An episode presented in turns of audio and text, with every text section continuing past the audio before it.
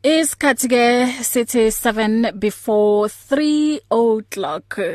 Ngisenawe ehe sisonke bazalwane. Kuloyo semgwaqeni eshayele elalela radio pulpit. Siyabonga siyabonga em ukuthi ke ube ingxenye yalomndeni. Njengoba ngishilo ke ukuthi uma ngibuya eh nginobongane um Zwane the author. Sihambe naye kulenyanga yonke eh esi motivator um sithola nama hey ama poems Manget.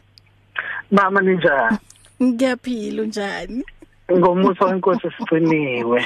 Haw, seliyashintsha igama. Eh ulashintsha impela. We, kanjani manje mina ngingayazi le ndaba. Eh kuyezeka, kuyezeka mama.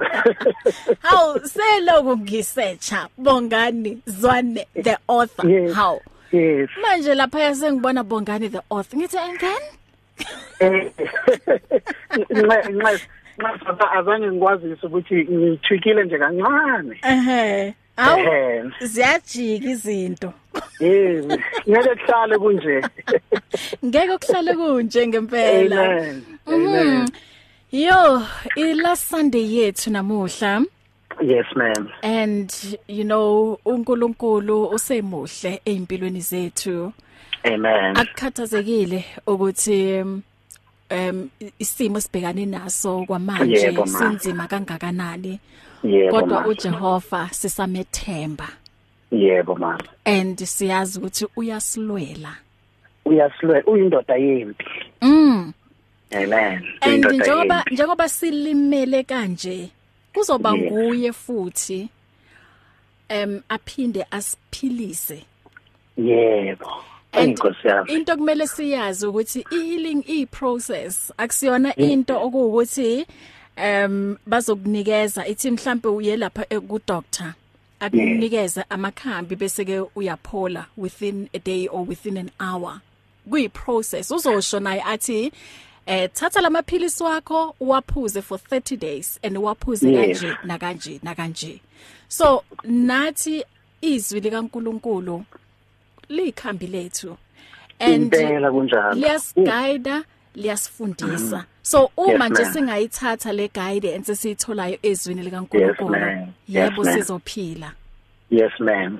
Yes kunjalo kunjalo impela. Nodokotela uma uma sekulaphile uyakutshela athi finish the course. yes Kwesinye isikhathi inkinga thina siyenzayo ukuthi eh seba ngathi umzimba usululamile kancane sivele siyeke yonke into. Aha. But you need to finish the course. yebo You know so izwi izwi likaNkuluNkulu li li course that that e- engapheli. Kumele njalo mihla namalanga silokubuyela kulo so that i i- i healing yethu ibe completed.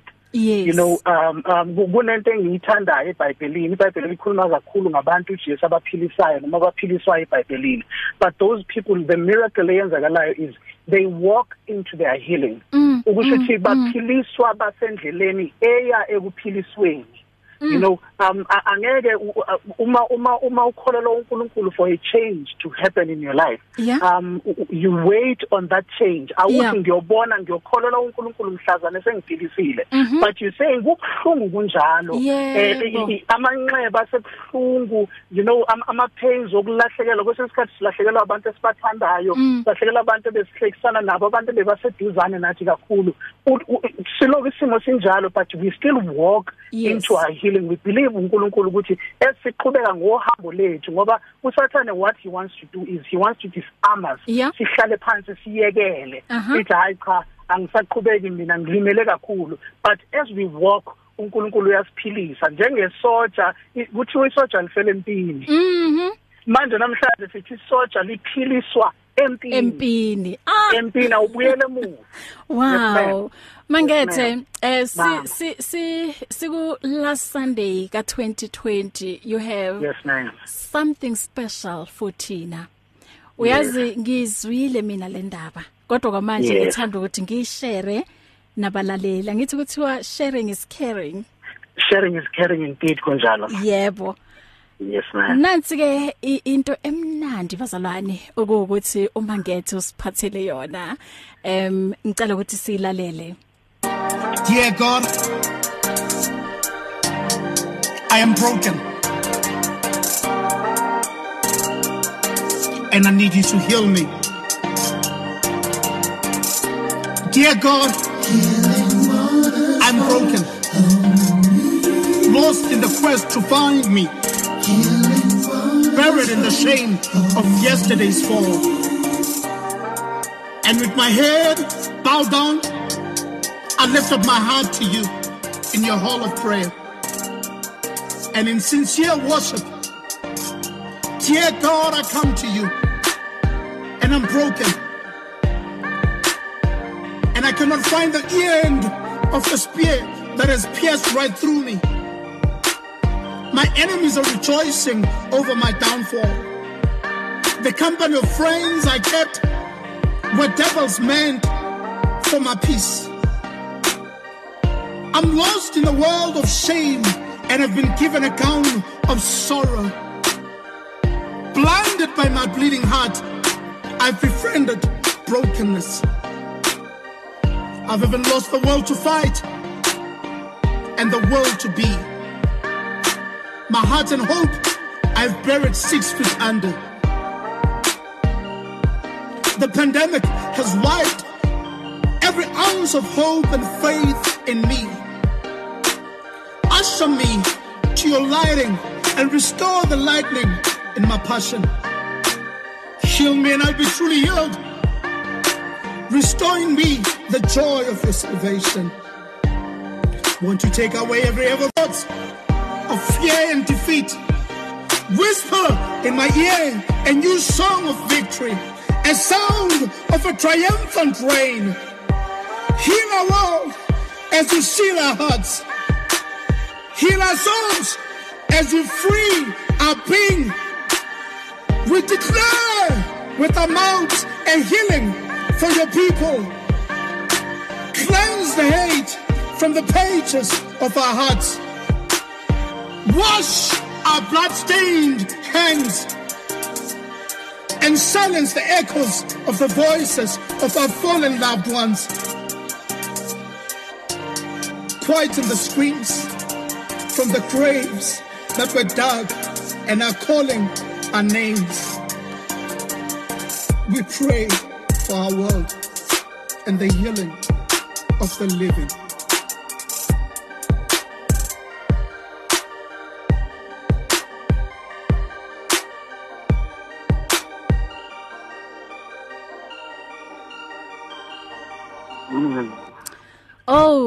We pray siyakhuleka kuJehova. Yes. Give us hope, Lord. Restore every heart that is broken. Yes, in the name of Jesus. Hallelujah. Wow, what a motivation. Hallelujah.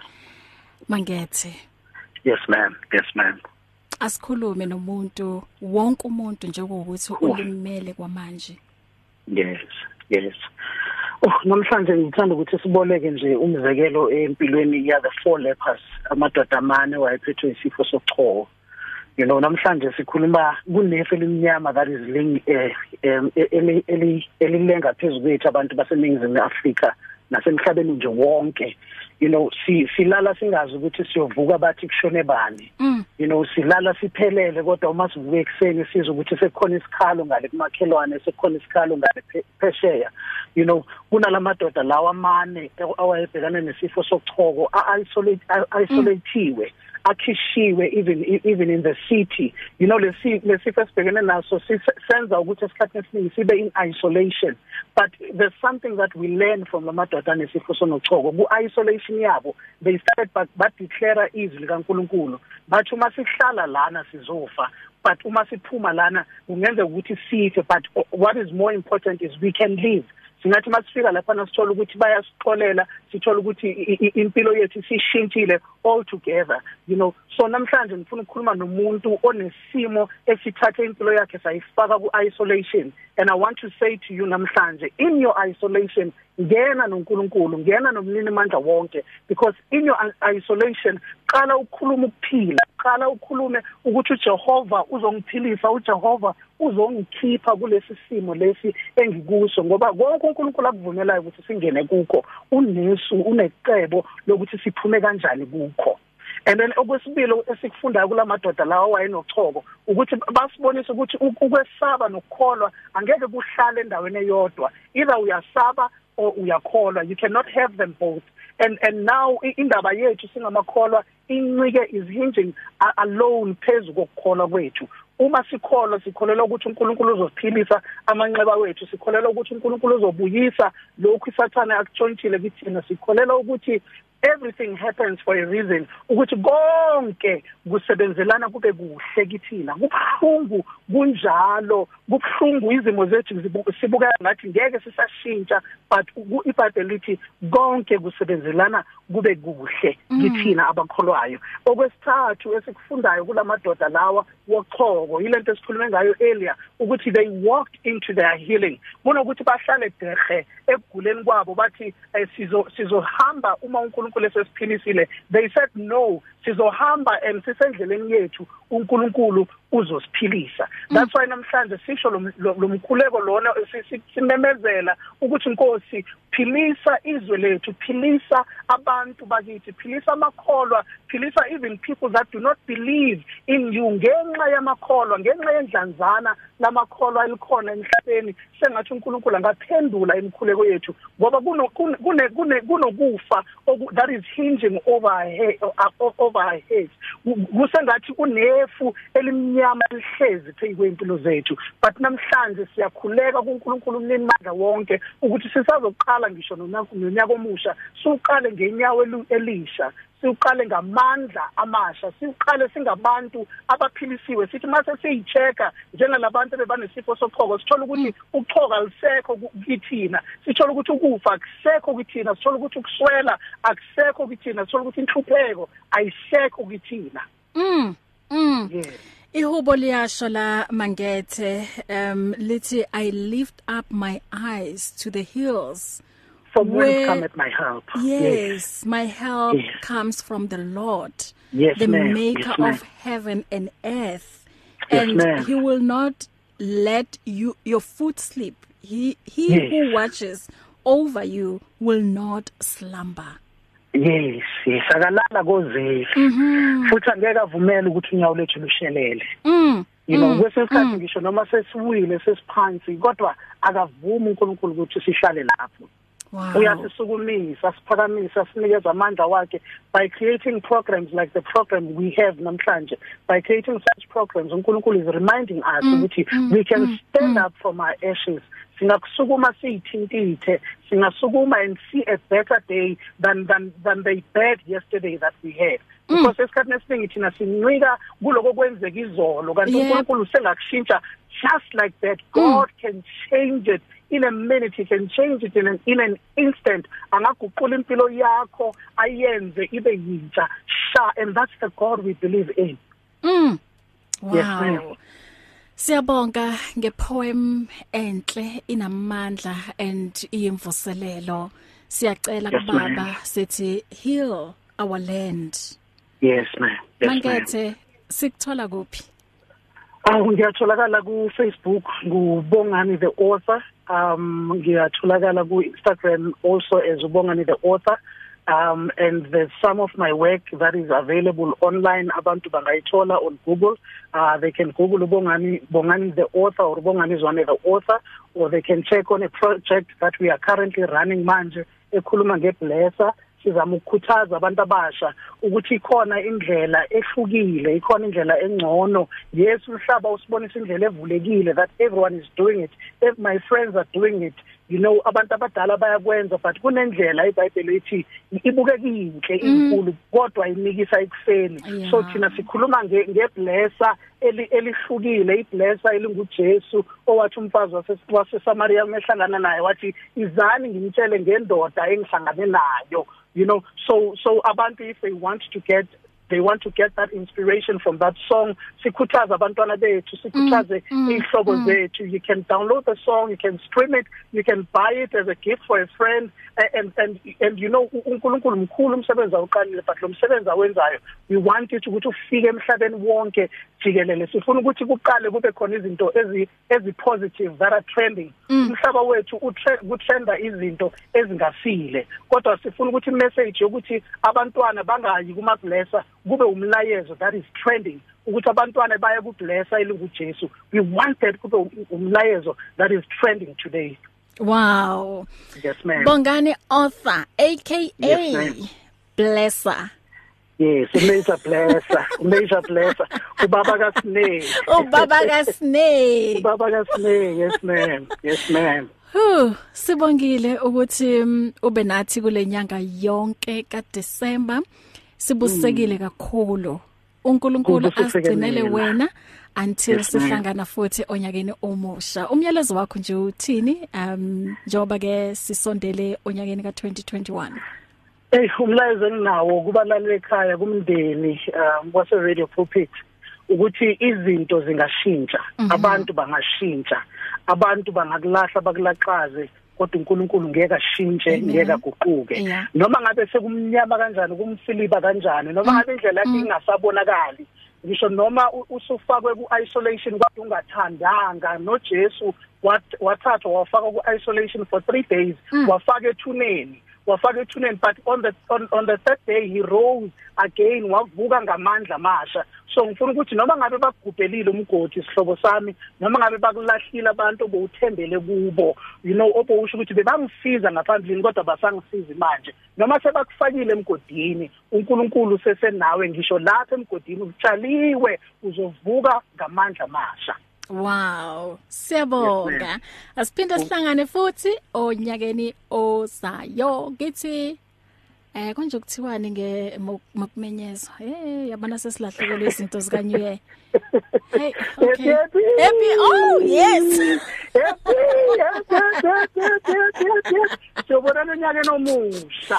Yebo, ngamandla amasha. Yebo, thank you so much. And then go WhatsApp uyatholakala? Ngiyatholakala ku WhatsApp inombolo yami i 081 441 6840. Ngicela And waphinde. then uh, i- inamba yami u 081 441 6840 and from that number abantu they can get the poems that I'm doing Yeah. they can also get the book that I've, I've My written. burning Eh, bush. my burning bush Yes. incwadi ekhuluma ngoNkulunkulu okhuluma ngendlela ehlukile engajwayelekile abantu bangangithola kuyo le nombolo and then they can get the book they can get the songs they can get the poems they can be motivated Mm. Hawu Yes, ma'am. ubulisa isimomondela sakho lapho. Mazwani. Ushukela, wakho. Umtshele ukuthi simthandani. ngizomnikelela ngibingelele neingane nazo zimanele lana ziloku ziyaweyina Ngathi ngiyambona emoyizela lapho. yes yes Thank you so much Mangethe. uNkulunkulu akubusise and njoba ngishilo next year sisonke. thank you for having me amen Dear God, I am broken. And I need you to heal me. Dear God, I'm broken. Lost in the quest to find me. Buried in the shame of yesterday's fall. And with my head bowed down, I lift up my heart to you in your hall of prayer. And in sincere worship, dear God, I come to you and I'm broken. And I cannot find the end of the spear that has pierced right through me. My enemies are rejoicing over my downfall. The company of friends I kept were devils meant for my peace. I'm lost in a world of shame and have been given a gown of sorrow. Blinded by my bleeding heart, I've befriended brokenness. I've even lost the will to fight and the will to be. My heart and hope I've buried six feet under. The pandemic has wiped every ounce of hope and faith in me. Usher me to your lighting and restore the lightning in my passion. Heal me and I'll be truly healed. Restore in me the joy of your salvation. Won't you take away every evil thought of fear and defeat. Whisper in my ear a new song of victory, a sound of a triumphant reign. Heal our world as you seal our hearts. Heal our souls as you free our being. We declare with our mouths a healing for your people. Cleanse the hate from the pages of our hearts. Wash our blood-stained hands and silence the echoes of the voices of our fallen loved ones. Quieten the screams from the graves that were dug and are calling our names. We pray for our world and the healing of the living.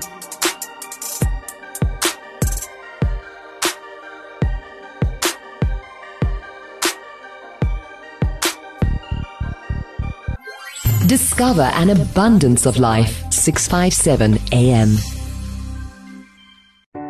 It's difficult to face the overwhelming pressures of life alone. Sometimes we just need someone to talk to, someone to listen to us. And what better way to do that than through a quick and easy WhatsApp text? Whether you're having a hard time coping with school, family issues, being bullied, depression, or anxiety, speak to someone who cares today. Send a WhatsApp message to 064 530 6805 or 074 995 9085. Our I Am Youth Counseling team, Charles Dudoy and Danny Vambili, are ready to connect with you today.